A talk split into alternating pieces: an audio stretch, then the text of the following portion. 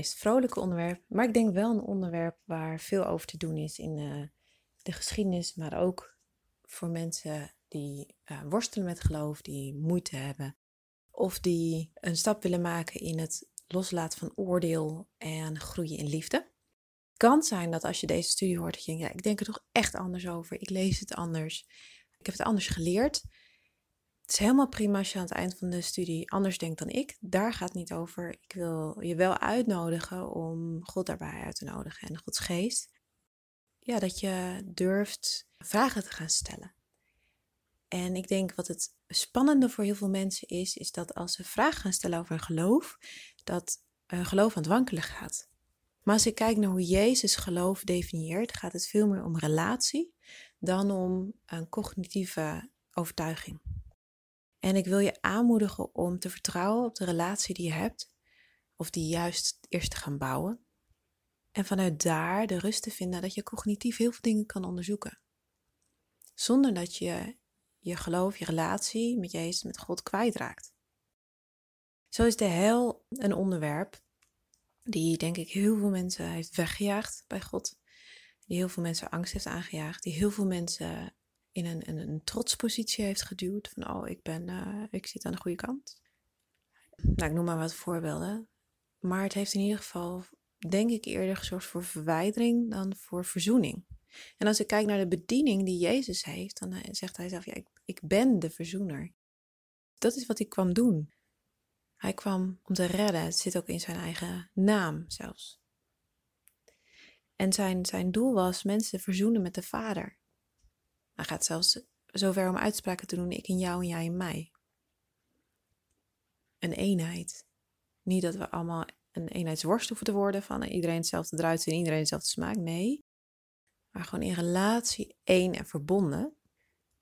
En met alle diversiteit van dien. Dus ik wil je aanmoedigen om je gedachten te openen, je hart te openen voor wat God wil zeggen. Maak aantekeningen. Het kan zijn dat ik niet alle Bijbelteksten noem. Op onze website staat ook een, uh, een, een, documentje over de hel. Daarin staan meer Bijbelteksten dan ik deze studie ga noemen.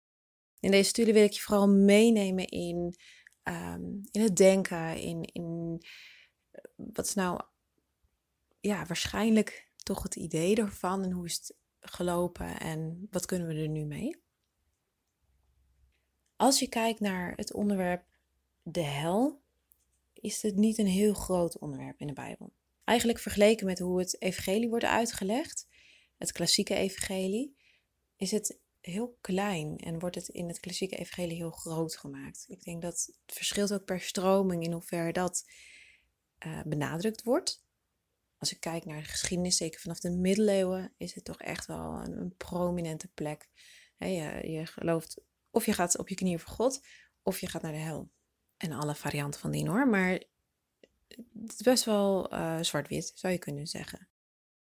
Nou kan het zijn dat als jij de Bijbel leest, dat je denkt, ja, maar ik lees ook heel verhalen heel zwart-wit.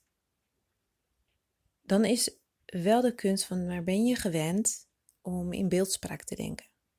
Als ik bijvoorbeeld zeg, uh, niet met de deuren slaan, weet je dan wat ik bedoel? Of zie je een plaatje voor je van iemand die een deur in zijn hand heeft en daarmee aan het slaan is? Dus hoe letterlijk vat je beeldspraak op? Of hoe kun je begrijpen van, maar wat bedoel je er dan mee? En dat is ook heel taalgebonden, hè? want beeldspraak in het Nederlands kan weer anders zijn dan in het Engels. Ik kan nu naar buiten kijken en denk, het is echt honden weer, want het regent. En in Engeland zegt ze, it rains cats and dogs.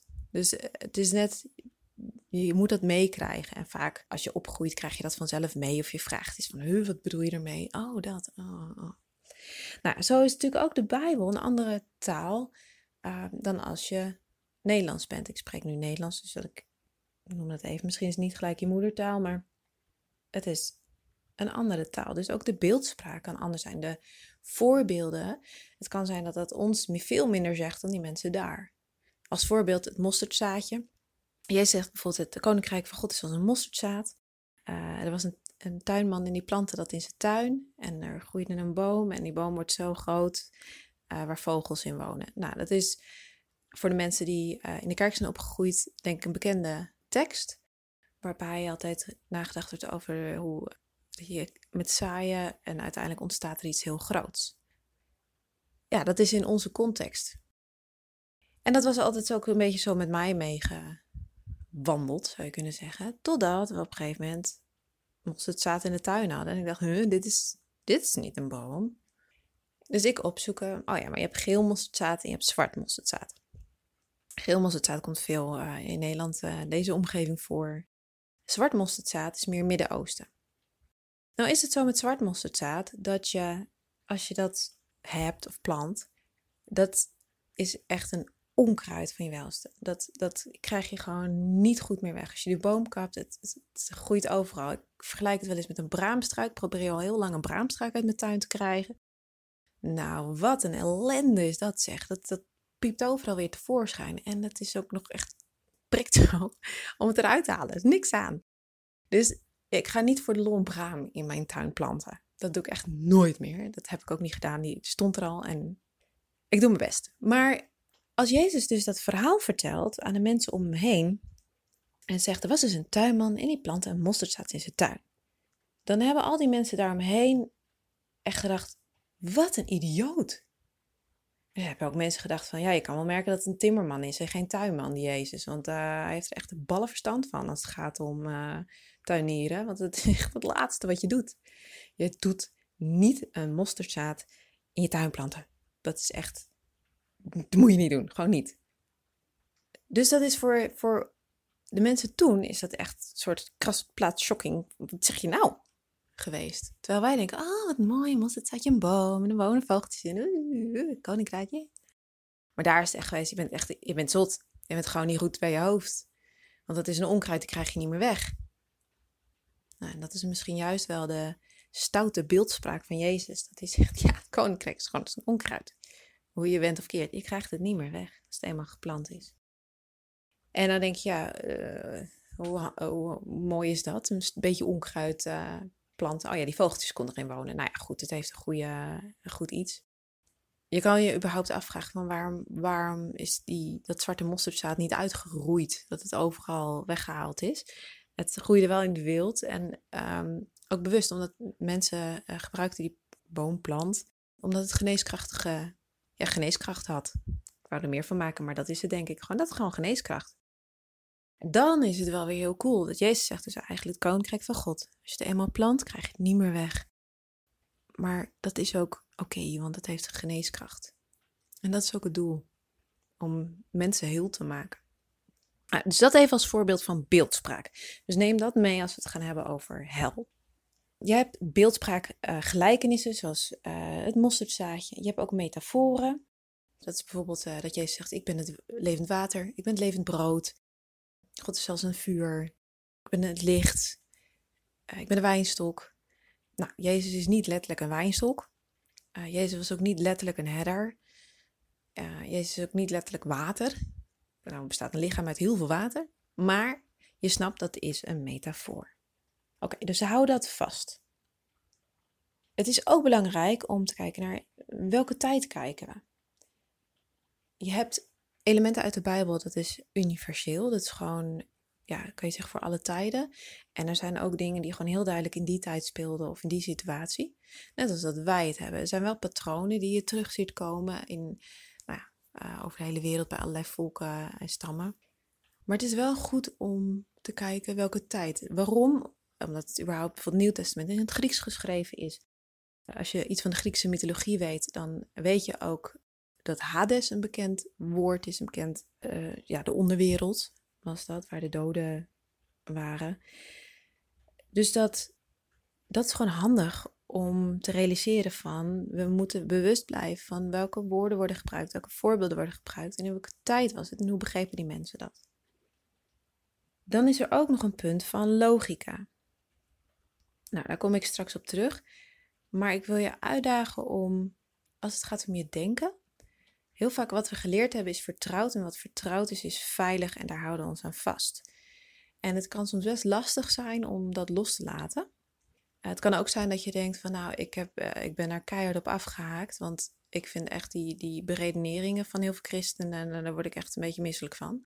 Dus daar ben ik mee gestopt. En dan hoop ik dat je misschien herkent de logica die je hebt aangevoeld. Nou, dat het voor jou even een ja momentje wordt. Dus we kijken naar beeldspraak, tijd, logica. Ik denk dat we gewoon maar eens wat voorbeelden gaan noemen. Het, documentje over de hel uh, staat al een tijdje online. Maar we hebben ook regelmatig nog uh, QA's. En de dingen die ik nu ga behandelen komen ook uit de QA's. Het kan zijn dat het een beetje overlap is, maar dan licht ik even iets meer toe. Dus het, het is wel aan te raden denk ik om ook dat documentje nog uh, rustig te lezen. Op het moment dat je denkt, ja, ik wil toch nog even iets meer chronologisch dan voorbeeldje, voorbeeldje, voorbeeldje. Nou, even kijken, waar gaan we beginnen? We gaan beginnen in Lucas, Lucas 16. Lucas 16, vers 19 tot 31. Het is het verhaal van de rijke man en Lazarus. En het is een van de verhalen waarvan ik denk dat heel veel beeldvorming is ontstaan als het gaat om de hel. En lieve mensen, dit is een gelijkenis. Het is een verhaal. En op het moment dat Jezus een gelijkenis of verhaal vertelt, is het de kunst om de punt wat hij wil maken eruit te halen en de rest te zien als een, als een set. Dus net zoals dat je een toneel, hè, je hebt, je hebt de, de, de setting, maar het gaat uiteindelijk om het verhaal. Om, om het punt wat de acteurs maken. En op het moment dat we zeggen van ja, nee, maar dit, uh, alle, uh, weet ik veel, staat er een huis of zo en dan alle huizen waren blauw, dus we moeten voortaan een blauw huis hebben. Nee, heb je nou gehoord wat die mensen zeiden? Daar gaat het om. Dus ook bij dit verhaal, het is denk ik heel vaak heel letterlijk overgenomen als van ja, maar dit staat in de Bijbel en zo is het of zal het zijn. Nou, als je dat met dit verhaal doet, dan sla je denk ik echt de plank mis. Dat is echt niet oké om te doen. Jezus is ook niet letterlijk een wijnstok. Wij zijn ook niet letterlijk schapen. Wees heel alert op beeldspraak. Het verhaal is wel gebruikelijk als je kijkt naar de, de Joodse traditie. En je ziet het ook in andere volken. Je hebt ook in het Midden-Oosten nog andere lijnen met kleine verhalen. Uh, de gebieden van China heb je dat ook. En zo heb je over de wereld stammen, volken die verhalen vertellen. Waarom werden nou verhalen verteld? Het was om uh, geschiedenis vast te houden. Bijvoorbeeld de Indianen, die hadden hun geschiedenis hielden ze vast door bij elke plek in het, in, in het gebied waar ze leefden of trokken. Ehm, werd een, een, herinnering gekoppeld aan bijvoorbeeld een rots of een stuk meer of een bepaalde boom. En dat werd elke keer doorverteld. En doordat het zo beeldend was, hebben ze de geschiedenis heel lang bewaard. Daarom was het ook zo ramperig dat, uh, dat ze op een gegeven moment hun gebied kwijtraakten. Want daarmee hebben ze heel veel geschiedenis verloren. Heel veel eh, landen, ook Frankrijk, was het heel gebruikelijk dat er mensen rondtrokken en die verhalen vertelden. Hè. Daar, heel veel sprookjes zijn op die manier ook door heel Europa en, en uh, het oosten getrokken. En ook in Afrika zijn heel veel verhalen. Nou, dus dat kan te maken hebben met geschiedenis, vermaak of nadenken. Dus je ziet ook dat heel veel leraren, uh, rabbies, als het gaat om, om de Bijbel, die vertelden verhalen. Korte verhaaltjes om mensen aan denken te zetten. Nou, en dit is zo'n verhaaltje om mensen aan denken te zetten. Het is echt een rabbi-verhaaltje. Het verhaal gaat over de rijke man en Lazarus. Wat opvalt is dat het de rijke man is en dat je geen naam krijgt. En dat Lazarus wel genoemd dat is arme man. Nou, dat was in die tijd echt andersom. De arme drommels die werden niet eens genoemd. Hè. Je hebt ook de vrouwen waren minder waard. Dus meisjes die kregen gewoon Julia 1, Julia 2, Julia 3. Nam je de moeite niet voor om namen te geven. En, en arme mensen, dat was de bedelaar aan de poort. Weet je wel, dat was niet Lazarus. Nee, dat was die bedelaar. Dus dit zet het al op zijn kop. Dus daarmee schudt Jezus het publiek al wakker. En Lazarus betekent God helpt, ondersteunt, troost, bemoedigt, beurt op. Pick one of allemaal tegelijk. Maar dat is zeg maar de, de betekenis van Lazarus. Dus dat zegt ook wel wat. Het is niet voor niks dat hij dan dat woord kiest. Uh, dus verwar het alsjeblieft niet met de Lazarus van Martha Maria. Dat dat helder is. Als je kijkt naar het verhaal, uh, Lazarus is arm, arm bedelaar, die leeft eigenlijk als een hond, dat hij een mazzel heeft als er wat naar hem toegeworpen wordt. En de rijke man, die uh, is gewoon lekker rijk, heeft alles en uh, het gaat helemaal picobello met hem. En op een gegeven moment gaan ze allebei dood en dan is Lazarus degene die op de schoot van Abraham terechtkomt. En de rijke man komt in, ja, je zou kunnen zeggen, de hel terecht, in de Gehenna. En er is dan een kloof en ze kunnen elkaar wel zien. En wat gebeurt er dan? De rijke man, die, die heeft het niet heel tof. Die heeft uh, dorst en, en hij zegt tegen Abraham, wil je Lazarus mijn water laten geven, mijn lippen nat maken? Nee.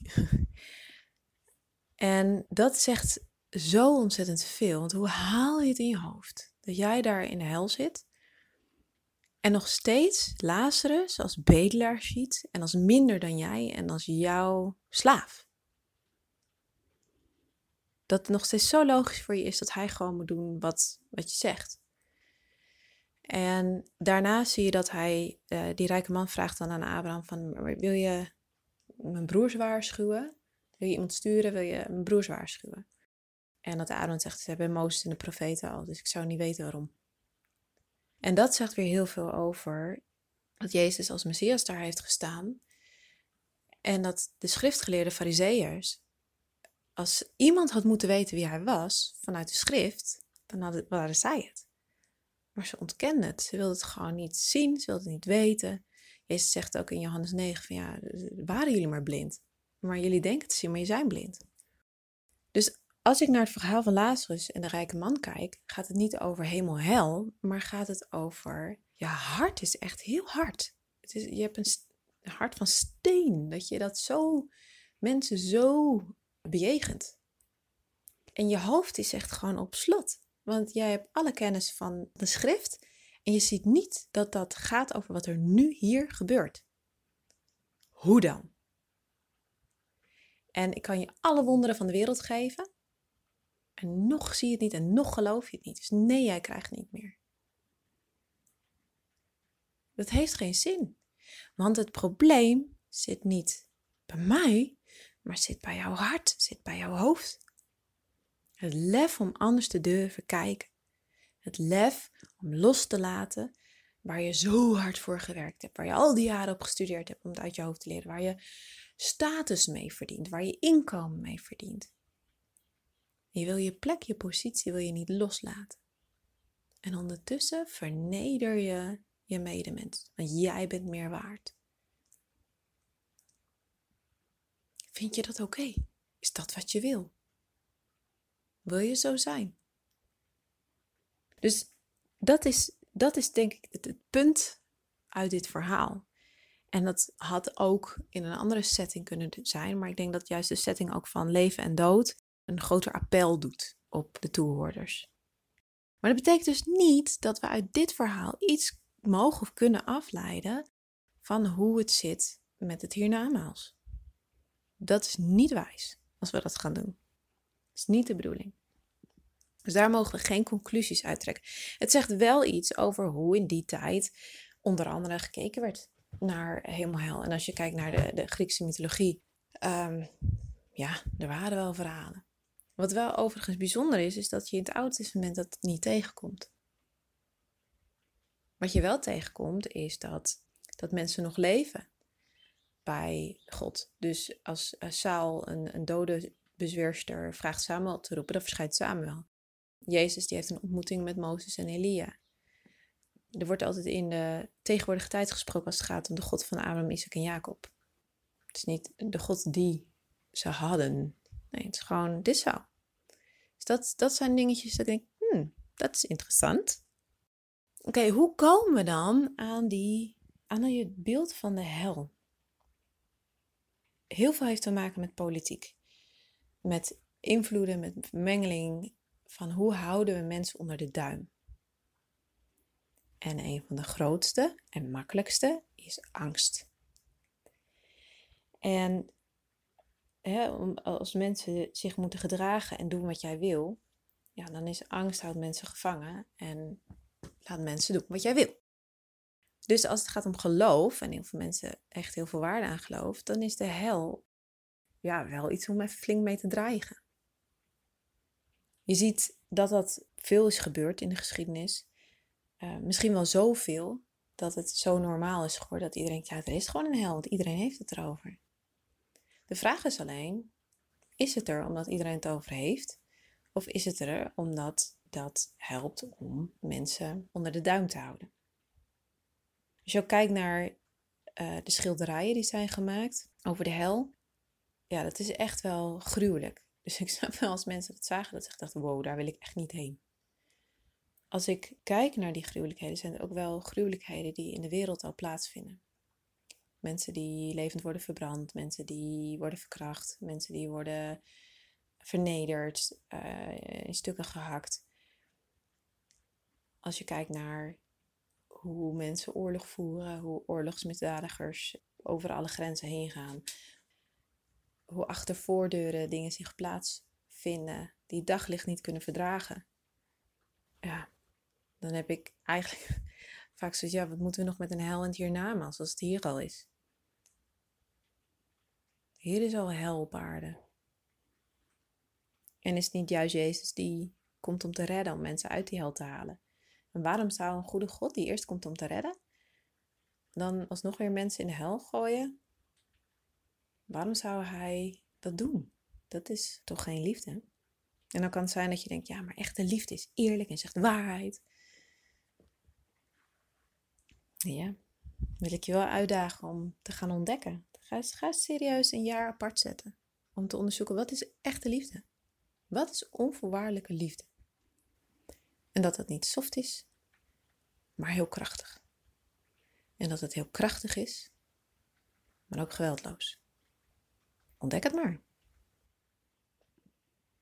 In 1336 heeft uh, Paus Benedictus XII bedacht wie direct naar de hemel gaat en wie niet. Nou, daar waren ze allemaal druk mee. Maar ook dat zijn gruwelijke praktijken, denk ik. Want dat betekende ook voor de babytjes die geboren werden en niet gedoopt waren, dat die naar de hel gingen. Nou, daar hadden ze op een gegeven moment dan wel weer wat op bedacht, dat er dan een voorborg was, waar ze dan mochten wachten tot het uh, uiteindelijke oordeel. Maar het zijn allemaal dingen die weer bedacht worden om de mensen een beetje tevreden te houden, om niet te erg te maken. Alhoewel de vraag is hoe erg was het. Het was al te erg, ook zo'n voorborg. welke god doet dat? Het is echt zo sadistisch. En hoe sadistisch het kan zijn als je kijkt naar bijvoorbeeld wat Tertullianus, als kerkvader, ehm, zei. Van ja, maar het is heel goed, want de mensen die ons nu kwaad doen, die gaan straks in de hel. En dan mogen wij er naar kijken hoe zij worden gemarteld. En dan, dan kunnen we daar onze vreugde in vinden. Serieus? Is dat liefde? Is dat wat we willen? Is dat, is, dat werkelijk wat we willen? Zo genoegdoening en ons verkneukelen en, en, en genieten van hoe onze vijanden burnen in hel. Als ik kijk naar wat oorlog doet met mensen, als ik kijk naar de posttraumatische stressstoornissen van mensen die gruwelijkheden hebben meegemaakt en gezien.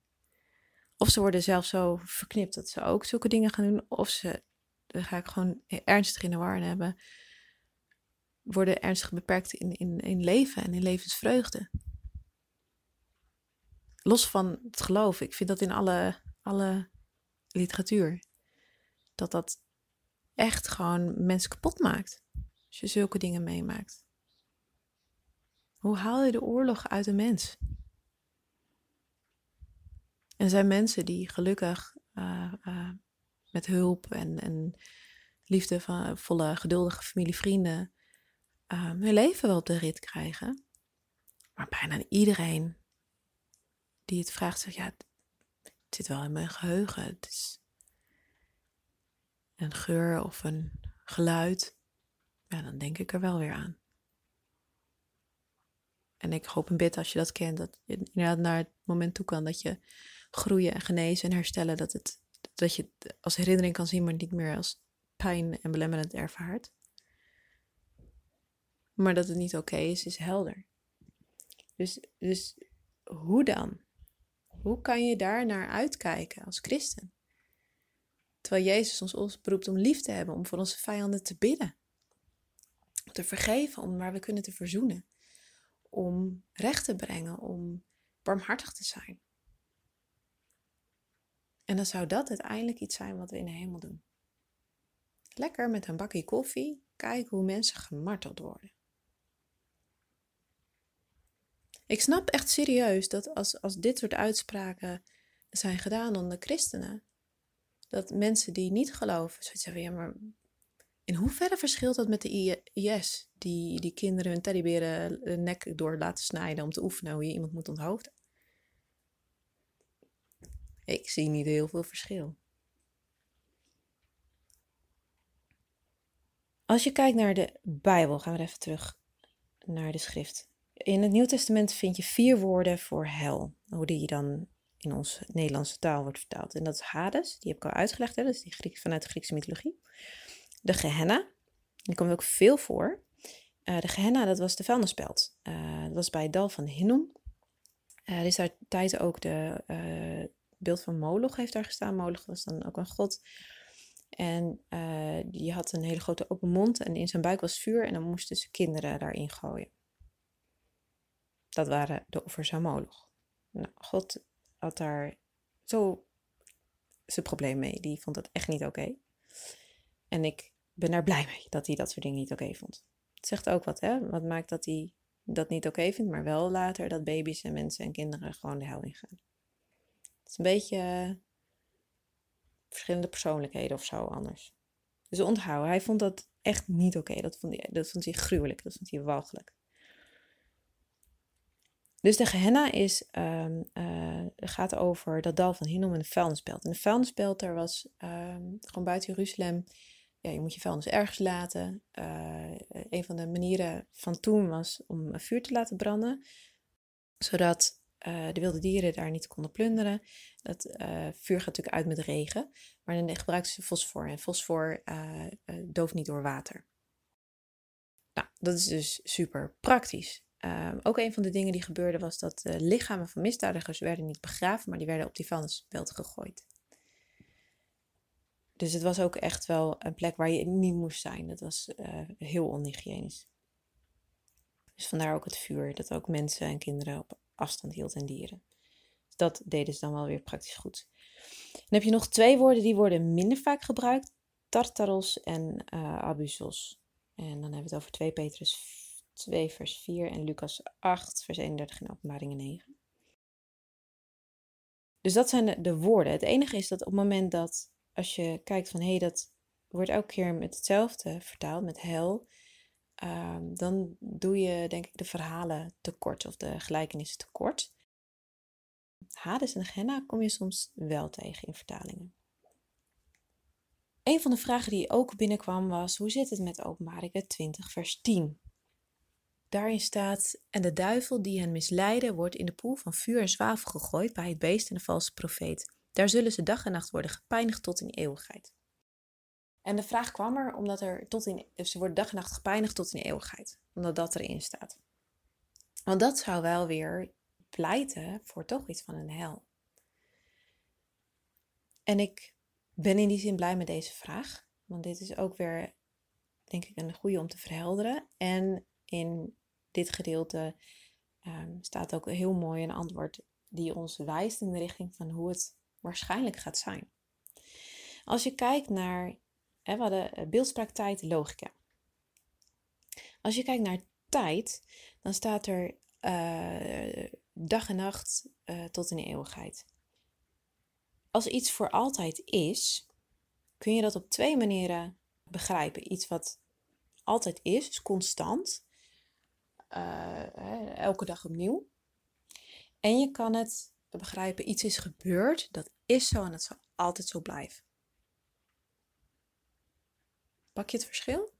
Dus iets wat elke dag opnieuw.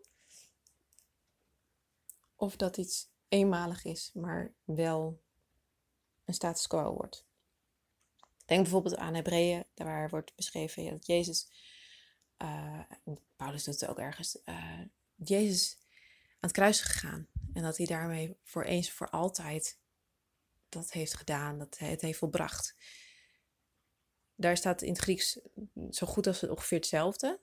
Niet uh, uh, uh, dat dag en nacht worden gepijnigd, maar wel het grammaticale tot in eeuwigheid. Ja, dat betekent dus niet dat Jezus tot in eeuwigheid aan het kruis hangt, maar wat hij gedaan heeft, dat dat blijft staan tot in eeuwigheid.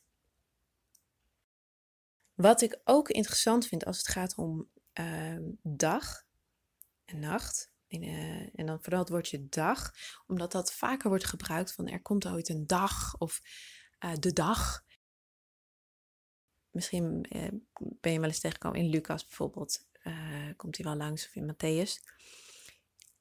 En daar is wat mee. Het is belangrijk om te kijken van welk, welke dag hebben we het over. Is het een dag? Is het een symbolisch moment? Wat wordt verwoord met een dag? Waarom? Omdat je hebt in het Grieks daar verschil in namelijk. Je hebt uh, hemeresios. Excuus voor mijn uitspraak als het niet het mooiste Grieks is wat je ooit hebt gehoord. Maar um,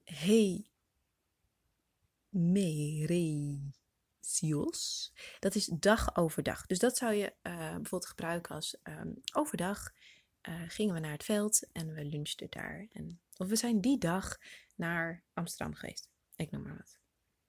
Je hebt ook hemeras. En hemeras is tijd, leven, termijn, lot, dag, licht. Dat gebruik je dus veel meer van, ja, er is een dag die gaat komen dat ik ooit dat en dat ga doen. Als ik kijk naar Openbaringen 20, dan staat daar dat tweede woord, hemeras. Dus dan denk ik al, hé, hey, pling, daar is wat mee. Want dat gaat over, het is veel meer beeldspraak dan dat het echt gaat over de dag, morgen, vandaag, weet je wel, zo op die manier. Nou, dat zijn van die aanwijzingen dat je weet, hé, hey, dit zou wel eens een soort gelijkenismetafoor of gezegde, spreekwoord of gezegde kunnen zijn.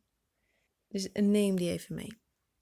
Als het gaat om de poel van vuur en zwavel, dan heb ik daar ook nog een leuke over. De poel van vuur en zwavel. Ik zei net, die gehenna, die heeft dat fosfor. Nou, dat staat hier niet. Hier staat wel echt zwavel. Dat is uh, voor de scheikundigen onder ons uh, echt absoluut een andere stof, een andere materie. En dat zwavel, dat heb ik op een gegeven moment ook opgezocht. En ik vond het, dacht van ja, oh, wat is dat precies en waarom wordt dat nou weer genoemd? En omdat we dat fosfor toen op een gegeven moment tegenkwamen, dachten we, oh, dat is eigenlijk wel leuk, zulke weetjes. Wat is er nou met zwavel? Als het gaat om zwavel, uh, werd dat gebruikt om bijvoorbeeld iets te reinigen, een huis of een. Je zou kunnen zeggen bijvoorbeeld als je tuinder bent met kassen, um, dan uh, je kan bestrijdingsmiddelen gebruiken en, en uh, op die manier je, of natuurlijke bestrijdingsmiddelen door uh, van lieveersbeestjes of en noem maar op. Dus van alles mogelijk. Maar er zijn dingen die krijg je gewoon niet goed weg. Um, denk bijvoorbeeld aan bepaalde schimmels. Die kunnen in alle hoekjes, gaatjes gaan zitten. En het is gewoon, nou, zijn gewoon schimmels, dan, dan kan je het schudden met je, met je plantjes. En wat doen ze dan? Dan uh, gebruiken ze, of gebruikten ze, het wordt zelfs in onze tijd door een aantal mensen nog gedaan, uh, een zwavelvuur. Dus een schaal met zwavel, dat wordt aangestoken, alles dicht. Uh, mensen moeten er dan echt uit, want het is heel giftig. En dan, dan ja, door, de, door de zwaveldampen, het, het, uh, het uitzwavelen van, waar, van die ruimte, uh, dan is ook echt alles wat je niet wil hebben, is niet meer. Het is weg. Nou, dat is natuurlijk briljant. En daarna kan je weer luchten. En daarna kan je weer je nieuwe planten erin zetten. Er is één uitzondering als het gaat om dat uitzwavelen. Er is één plant die het wel overleeft. En dat is de druivelaar, de wijnstok. Belangrijk is wel dat die gesnoeid moet zijn. Dus de nieuwe knoppen die moeten eraf gesnoeid worden. Dan overleeft die plant het. En dat vind ik wel weer echt een tamelijk briljante beeldspraak. Zeker als je kijkt naar Johannes 15, waar Jezus zegt: Ik ben de wijnstok, jullie zijn de ranken, blijf in mij, ik in jullie. En laat je snoeien. En dat dat snoeien niet is van, nou ja, ik wil je onder de duim houden. Maar dat het snoeien is voor de momenten die kunnen gaan komen in deze perverse, kapotte wereld. Dat je het overleeft. Dat je er doorheen komt. Maar ook op het moment dat, dat, als er dan al een dag komt dat God de boel heel gaat maken, oordeelt wat dan ook. Hoef jij echt niet bang te zijn. Geen probleem. Want jij bent in mij. Dus check. Jezus heeft ook bijvoorbeeld dat hij uh, het boek van het leven noemt.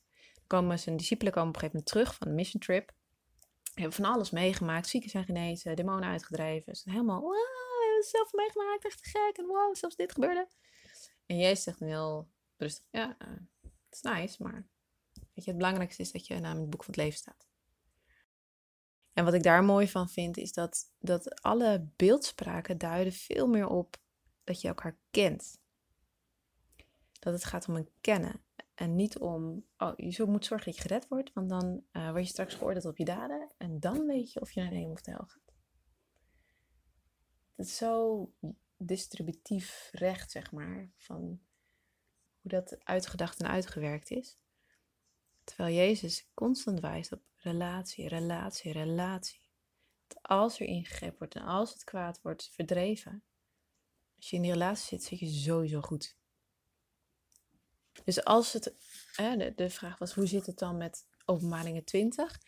Ehm, dit is heel veel beeldspraak.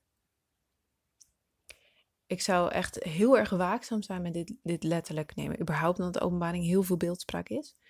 Maar ga het niet chronologisch letterlijk vertalen. Het is sowieso niet chronologisch geschreven. Waarom niet? Nou, dat was, ik noemde in het begin beeldspraak, welke tijd en logica. Nou, dan komen we bij logica. Als het moment komt van een nieuwe hemel, nieuwe aarde. En eigenlijk staat daar herstelde hemel, herstelde aarde. Het is nog een verschil, hè? Of dat de hele aarde naar de, de gaat en dat er een nieuwe aarde ontstaat. Of dat de aarde herstelt. En ik vind eigenlijk ook gewoon persoonlijk wel, wel mooi.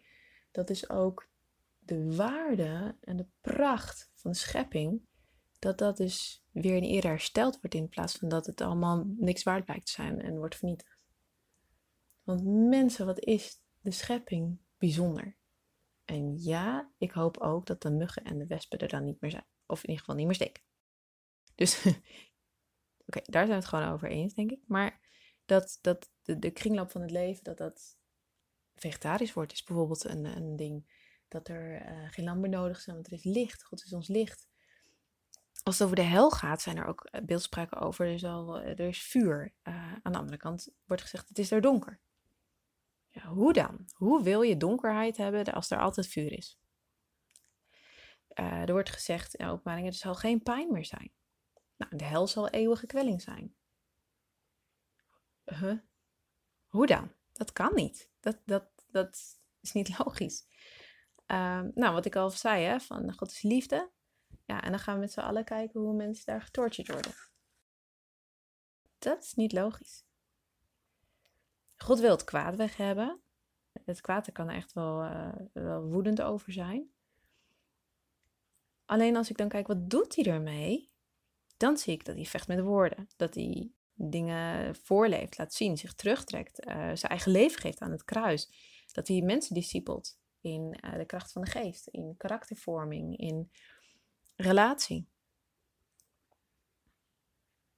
Dus er is wat mee met die, met die hel. Het, het, je kan niet zomaar zeggen vanuit de Bijbel is er een leer dat we uh, de hel hebben en dat God gaat oordelen en dat er dan mensen naar de hemel gaan en mensen naar de hel gaan.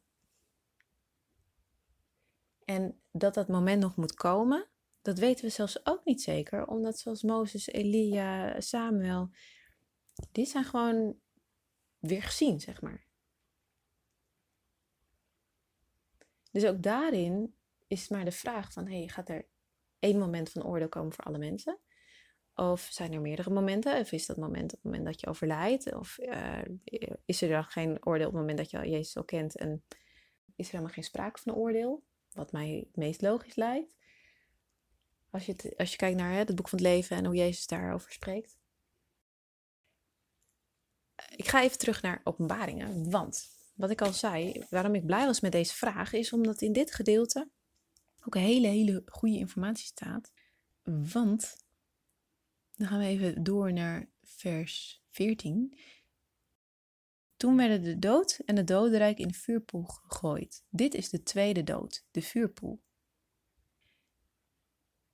En die term, dat is ook weer zo'n zo'n status quo term. En wat mij opvalt als ik wel ook het Oude Testament bekijk, van wat, wat is er na het oordeel? Wat gebeurt er met de, in dit geval de dood, dood, uh, het dodenrijk, uh, Satan, zijn profeet? Dan zijn die heel vaak termen als vergaan, verdwijnen, worden niet herinnerd. En een tweede dood, dat lijkt mij als ik er logisch over nadenk, iets wat, waarbij ze verdwijnen. Dus niet wat, dat, dat ze eeuwig daarin blijven en gekweld worden, maar dat, ze, dat het gewoon ophoudt. Dat ze ophouden te bestaan. Ik denk dat dat, dat het meest logisch is. En dat is wat ik nu weet en misschien weet ik later meer. Maar ik deel het maar met je. Dus er is een, een moment van overlijden en er is een moment van tweede dood. Maar als ik kijk naar wat de tweede dood ondergaat, ja, dan, zie ik toch wel de duivel, uh, het beest, de valse profeet, de dood, het dodenrijk. Dus dat zijn wel de, ja, je zou kunnen zijn de bronnen van het kwaad. Voor heel veel is dan nog wel van ja, maar daartussen staat, ik zag de troon, uh, dode jongen en oud stonden daarvoor, werden boeken geopend. En het boek van het leven werd ook geopend. De doden op grond van wat in de boeken stond geoordeeld naar hun daden. De zee stond de doden, die zich gaat ook af. En de doden en het dodenrijk stonden ook hun doden af. Hoe dat precies gaat, ik denk dat dit ook heel veel beeldspraak is. Er is natuurlijk ook wel de, de traditie van hè, mensen moeten begraven worden, want die lichamen die gaan nog een keer opstaan. Maar ja, technisch gezien, de meeste lijken die in zee belanden, die worden gewoon opgegeten. Uh, vergaan, uh, ook in de grond vergaan lichamen. Je vergaat tot stof, daar begint de Bijbel zo'n beetje mee. Dus die lichamen, ja, die zijn weg. De vraag is dan, waar blijft, waar blijft die geest? Hè, waar blijf jij? Ja, we weten het niet precies. En ik denk dat we dat ook niet te veel moeten invullen. Dus daar wil ik ook nu heel voorzichtig mee zijn. Ik heb zo wel wat gedachten. Een gedachte is bijvoorbeeld dat er wel mensen zijn die bij iemand zijn geweest die overleed. En dat zei, het leek wel of een engel of Jezus zelf mensen kwam halen. Uh, er zijn ook wel mensen die dan net niet dood zijn gegaan, maar een soort, soort bijna doodervaring hebben gehad. Die zeggen, ik zag wel een licht, of ik zag een engel, of ik zag dit of dat. Overigens ook waakzaam in zijn, want het is, uh, er worden ook gewoon films over gemaakt. Wat gewoon uit het duim gezogen is om geld te verdienen. Niet zomaar alles geloven wat op internet te zien is en uh, in films. Maar nou, ik denk dat wereldwijd er wel genoeg persoonlijke verhalen zijn op dat gebied dat er, dat er wel een en ander gebeurt daarna. Maar je kan daar denk ik ook weer niet een zo is het van maken. Dan is nog het punt dat, dat, dat oordeel van hé, maar er, er, er moet een schifting komen tussen goed en kwaad. Er moet een, moment komen dat, nou laat ik maar even zo noemen nog, hè, de, wie gaat naar de hemel, wie gaat naar hel. En ik denk dat we in ieder geval kunnen concluderen met elkaar dat die hel uiteindelijk er niet is. Dat dat meer een, een buitenproportioneel verzinsel is. Maar dat we dan spreken over de tweede dood. En dat bij het oordeel, dat op het moment dat je in het boek van het leven staat, dan heb je dus echt geen probleem. Dan is het gewoon, dan ben je gewoon al bezig, want je hebt die relatie. Dus het is ook niet je ticket to heaven, maar je bent, het is een soort, de, we, leven al heel langzaam. Dus ik heb alleen maar zijn lichaam niet meer, maar verder is er niet heel veel veranderd, weet je wel, zo, dat idee. En als het over dat oordeel gaat, ik denk dat veel mensen hebben geleerd van, nou ja, dan wordt er gekeken naar je leven, wat heb je gedaan, welke zonde heb je gedaan. En nou ja, bij uh, groen mag je naar de hemel en bij rood ben je Sjaak, dan heb je gewoon te veel slecht gedaan. En wat ik daarin mis is uh, die teksten bijvoorbeeld uit Micha en Jezaja, dat God recht spreekt. En we zien niet precies hoe, maar het resultaat is dat mensen hun, wapens omsmelten tot ploegschade. En dus gewoon weer gaan, je zou kunnen zeggen, uh, gewoon weer in hun roeping gaan staan en gaan doen waar, waar God ons hier voor op aarde heeft geplaatst. Namelijk zorg voor elkaar in de natuur. Dat is onze eerste taak. En dat we gewoon met elkaar werken en eten en lachen en zingen en met God wandelen. Dat, dat is denk ik wat God nog steeds verlangt. En dus als hij, als hij recht spreekt, dan is dat het resultaat. En ik denk, als we al zo ons best doen om in, in, in de menselijke wereld een goed rechtssysteem te bouwen, dat het eerlijk is, dat het rechtvaardig is, dat er bewijs geleverd moet worden, dat niet iemand zomaar mag veroordeeld mag worden. Dat we proberen te kijken wat is een passende straf, een passende maatregel. En misschien dat er nu heel veel onrecht in je hoofd opkomt. Dat je denkt, dat klopt niet, dat klopt niet, dat klopt niet. Nou, dat wijst alleen maar op het feit dat je, dat je echt wel een hart hebt voor rechtvaardig oordelen. En hoeveel te meer niet zou God rechtvaardig oordelen? Dat hij echt per persoon kijkt, snapt, ziet hoe en wat. En hoe rechtvaardig is het niet als mensen hem daarin kunnen zien en ontmoeten? En dat, ik denk dat heel veel mensen een beeld van God hebben die niet klopt. Dat het, dat het kapot is gemaakt door nou, onder andere die heltheorie. En die sadistische, schizofrene, gespleten persoonlijkheid-achtige Sinterklaas. Dat het een God is die rechtvaardig oordeelt. Dat, dat Jezus die is evenbeeld van God. En als je kijkt bijvoorbeeld hoe hij die, die vrouw die voor hem wordt geworpen omdat ze overspel heeft gepleegd, daar niet over oordeelt. En ook zegt, ja, weet je, als je zonder zonde bent, gooi vooral de eerste steen. En niemand kan het gooien. Dus dat zegt ook iets over, ja, maar dan zijn we toch eigenlijk allemaal verloren. En discipelen die, die hebben dat ook nog. Je kan af en toe, zie je zo'n moment dat ze denken, oh, maar wie wordt dan wel gered? Dus ik denk dat we er veel meer op mogen gaan vertrouwen dat, dat God een God van redding is. En dat hij er alles aan doet om mensen te redden. En dat ook zijn rechtssysteem rechtvaardig zal zijn. En dat het echt niet zo is omdat je een keer een scheef schaats hebt gereden, dat je naar de hel gaat. En het is juist Jezus die je er bewust van wil maken, veel die scheef schaats. Wil je met me meekijken wat voor consequenties dat heeft voor jou, voor die ander, voor eventueel de kinderen? Hoe vertrouwen beschadigd raakt. Hoe een veilig thuis geen plekje thuis meer is. Hoe, nou, gaat nu van alles door me heen. Ik kan heel veel voorbeelden noemen, maar ik denk dat, dat het daarom gaat dat God de hel hier op aarde wil stoppen. En als er al een, een, eindoordeel komt, dat, die, dat de tijd op is waarin de engelen, de demonen, de kans hebben uh, en Satan om te stoppen met hun praktijken en terug te keren naar God en zich te verzoenen met God. En dat het Gods doel is om ieder mens van ieder volk met zich te verzoenen. En nou kan het zijn dat er mensen zijn die dat om welke reden dan ook uiteindelijk niet willen. Zich zo van God afzetten en blijven zetten, ook al ontmoeten ze. Maar dan wil je ook echt niet. En dan heb je, als je hem ten volle hebt ontmoet, heb je ook alle kans gehad. Maar ik denk dat heel veel mensen op aarde die ten volle kans helemaal niet hebben gehad. Maar ik vertrouw er echt 100% op dat God rechtvaardig is. Dat Hij liefde is.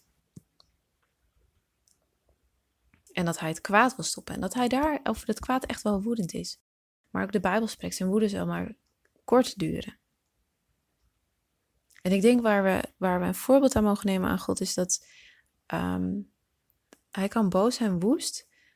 Maar dat is niet dat hij vanuit zijn woede ineens gaat reageren of ehm, conclusies trekt. Hij deelt het, hij bespreekt het. Nou, dat is wel een interessant iets. Ik denk ook dat Jezus eh, maar een paar momenten heeft dat hij woedend is bij het graf van Lazarus. Nou, en dan laat hij hem opstaan. Nou, chill, cool.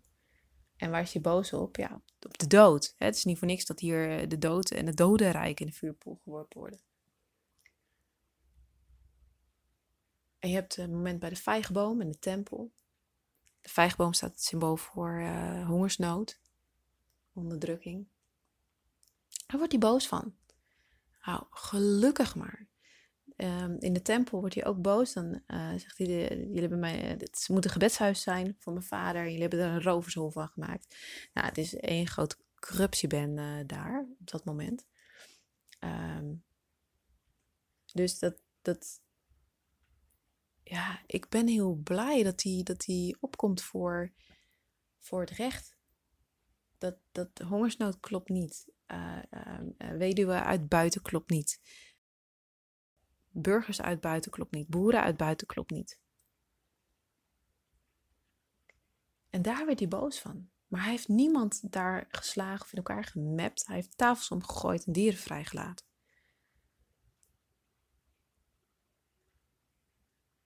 Maar ik hoop dat, dat we gaan zien met elkaar dat de boodschap van God er echt om gaat. Van ga, nou, ga nou eens alsjeblieft eerlijk kijken.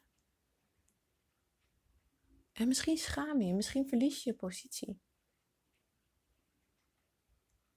Maar als jij jezelf durft te sterven, man, dan komt er honderdvoudig vrucht. Er is ook nu nog zoveel slavernij in de wereld. Dan kun je zeggen, ja, maar in de Bijbel mochten mensen ook slaven hebben. Er, is, heel veel, ook uit het Oude Testament, misbruikt van, het staat in de Bijbel, dus we mogen doen. Maar niet alles wat in de Bijbel staat is Gods wil. En ik denk dat we naar Jezus moeten kijken om heel goed te gaan zien en ontdekken wat Gods wil is. Het is niet zijn wil dat mensen slaaf zijn. Het is niet dat zijn wil dat mensen misbruikt worden. Het is niet zijn wil dat huwelijken stranden. Maar hij ontmoet mensen waar ze zijn en vanaf daar werkt hij met ze verder. En hij discipelt. Hij geeft zijn leven en hij discipelt. En ik denk dat je daarmee ook gewoon een heel ander evangelie krijgt dan het klassieke hemel-hel-evangelie. En dat als het gaat om dat discipelen, daar staat veel meer in, in de Bijbel, dan over de hel. En dat het zo'n zo'n afleidingsmanoeuvre is om te gaan focussen op, hoe ga ik naar de hemel, de hel, ik moet ticket to heaven. En dat het zoveel belangrijker is dat we nu leren leven, dat we nu in relatie gaan met, met, met Jezus, met elkaar. Dat we gaan kijken, we kunnen niet in ons eentje alle problemen van de wereld oplossen, maar wel Maak, maak kleine groepjes of, of maak, maak een verschil in een paar levens. Dat maakt al zo'n verschil. Ga anders kijken naar, naar vrouwen, naar uh, groepen in de samenleving. Er is momenteel ook heel veel uh, rondom racisme. Maar ik denk dat het ook in zoveel kleine dingen zit in hoe we over andere mensen denken en hoe we eigenlijk al heel erg aan het oordelen zijn. In gedachten in onze grapjes. Hoe, hoeveel, dat, hoeveel vernedering er in grappen zit. Humor is leuk, maar in hoeverre is het oké als het ten koste van gaat?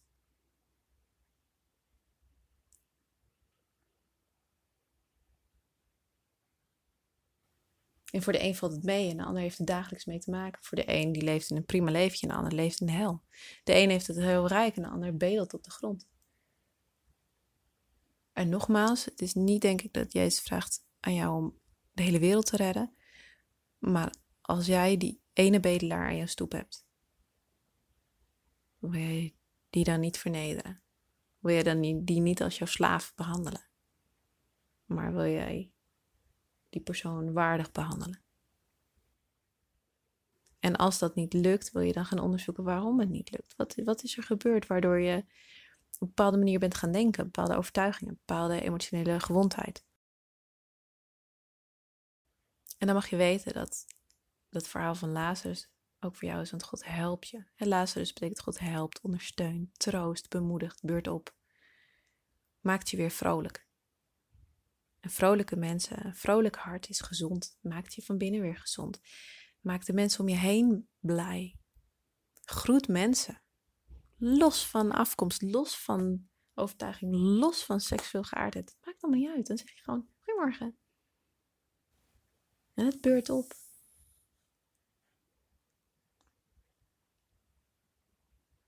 Als je naar het hemel-hel verhaal kijkt, dan zijn er ook mensen die zeggen, ja maar is het niet ook gewoon nodig dat er straf is?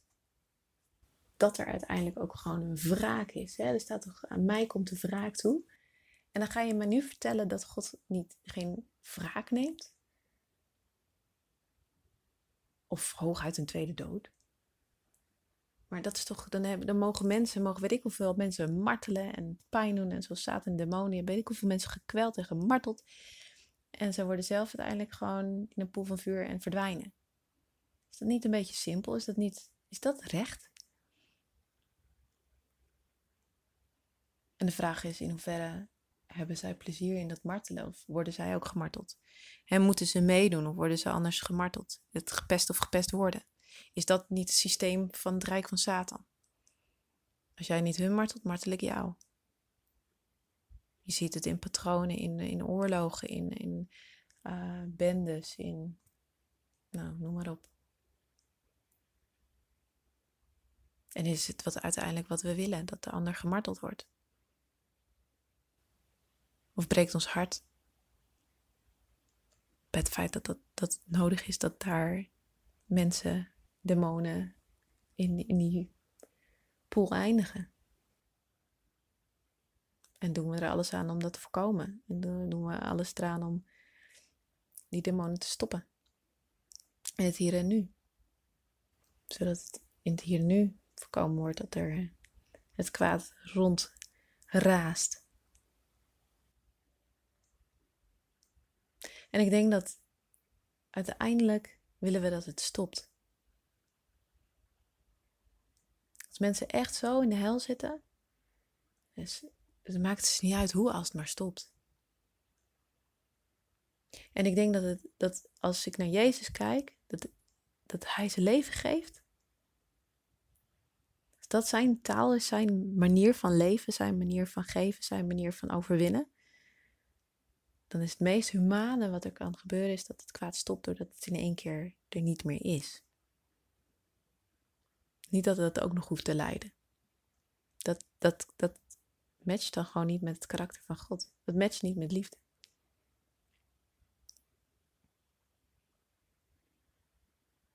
Ik las vandaag een artikel over eh, de doodstraf in de Verenigde Staten. En dat, er, eh, dat het nog wel gedaan wordt, maar steeds minder. Steeds minder wordt uitgesproken, de doodstraf. En dat farmaceutische bedrijven er niet mee geassocieerd willen worden. Dus dat ze hun uh, middelen niet ehm, willen leveren. Maar ook dat um, een tijd terug is er een executie misgegaan, omdat dan uh, er een nieuw gif werd gemengd en uitgeprobeerd. En die uh, persoon heeft drie kwartier moeten lijden voordat hij stierf. En dat daar schande over wordt gesproken. Dat dat, dat, dat niet een manier is. Dat, dat, dat ook daders daar recht hebben op een, op een goede dood. We hebben nu de corona-lockdown gehad. In Nederland was die nog enigszins uh, niet compleet, maar voor een aantal doelgroepen wel. En een van de doelgroepen was de, de ouderen in uh, verpleeghuizen, die geen bezoek meer kregen. Mensen die alleen hebben moeten sterven. Of omringd door een soort van marsmannetjes in gekke pakken. En daar ben ik me heel van, erg van bewust hoor, dat het ook eh, absoluut hè, de reden beschermend is geweest. Maar de vraag is, hoe menswaardig is het geweest?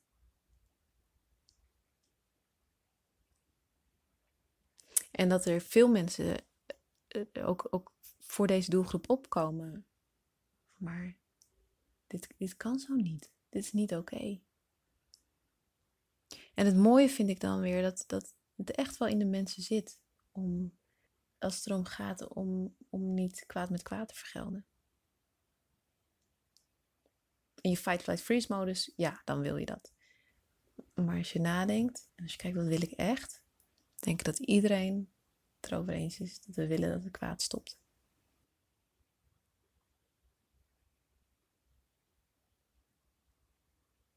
Ik hoop dat je hier wat mee kan dat je op deze manier, als je teksten, uh, mocht je teksten tegenkomen, dat je denkt, ah, dat gaat hier ook over. Dat je kan kijken naar beeldspraak, naar de tijdsgeest, naar logica. En dat je met deze informatie, uh, het voorbeeld van het verhaal van Lazarus uit Lucas 16, het voorbeeld uit Openbaringen 20, dat dat helpt om dingen te kunnen plaatsen. En denk ook echt aan die logica, hè, van dat, dat wijst ook veel op beeldspraak en dat we niet zomaar conclusies moeten trekken. En ik hoop dat het je, ja, je bemoedigd heeft over wie God is. En hoe Hij is. En, en dat het evangelie, wat je misschien ooit gehoord hebt, of hoe je het begrepen hebt, met dit mag wel, dit mag niet, hemel, hel. Dat dat een zo, ja, voor de helft een leugen, maar ook bijna vernederend soort evangelie is. En als dit het evangelie is wat je kent en waarvan je zegt, ja, maar daar bouw ik op en dat is wat we geleerd hebben en al die kerkvaders schrijven erover. Weet je, het is jouw keuze. Als jij zegt, ik kies voor deze weg, prima. En ik, ik hoop dat je gewoon je tijd gaat nemen om je relatie met Jezus verder op te bouwen.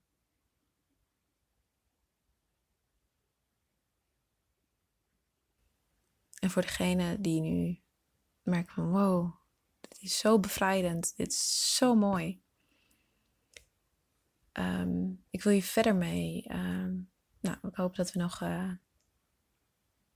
daarin veel mogen bieden en met jullie mee mogen denken.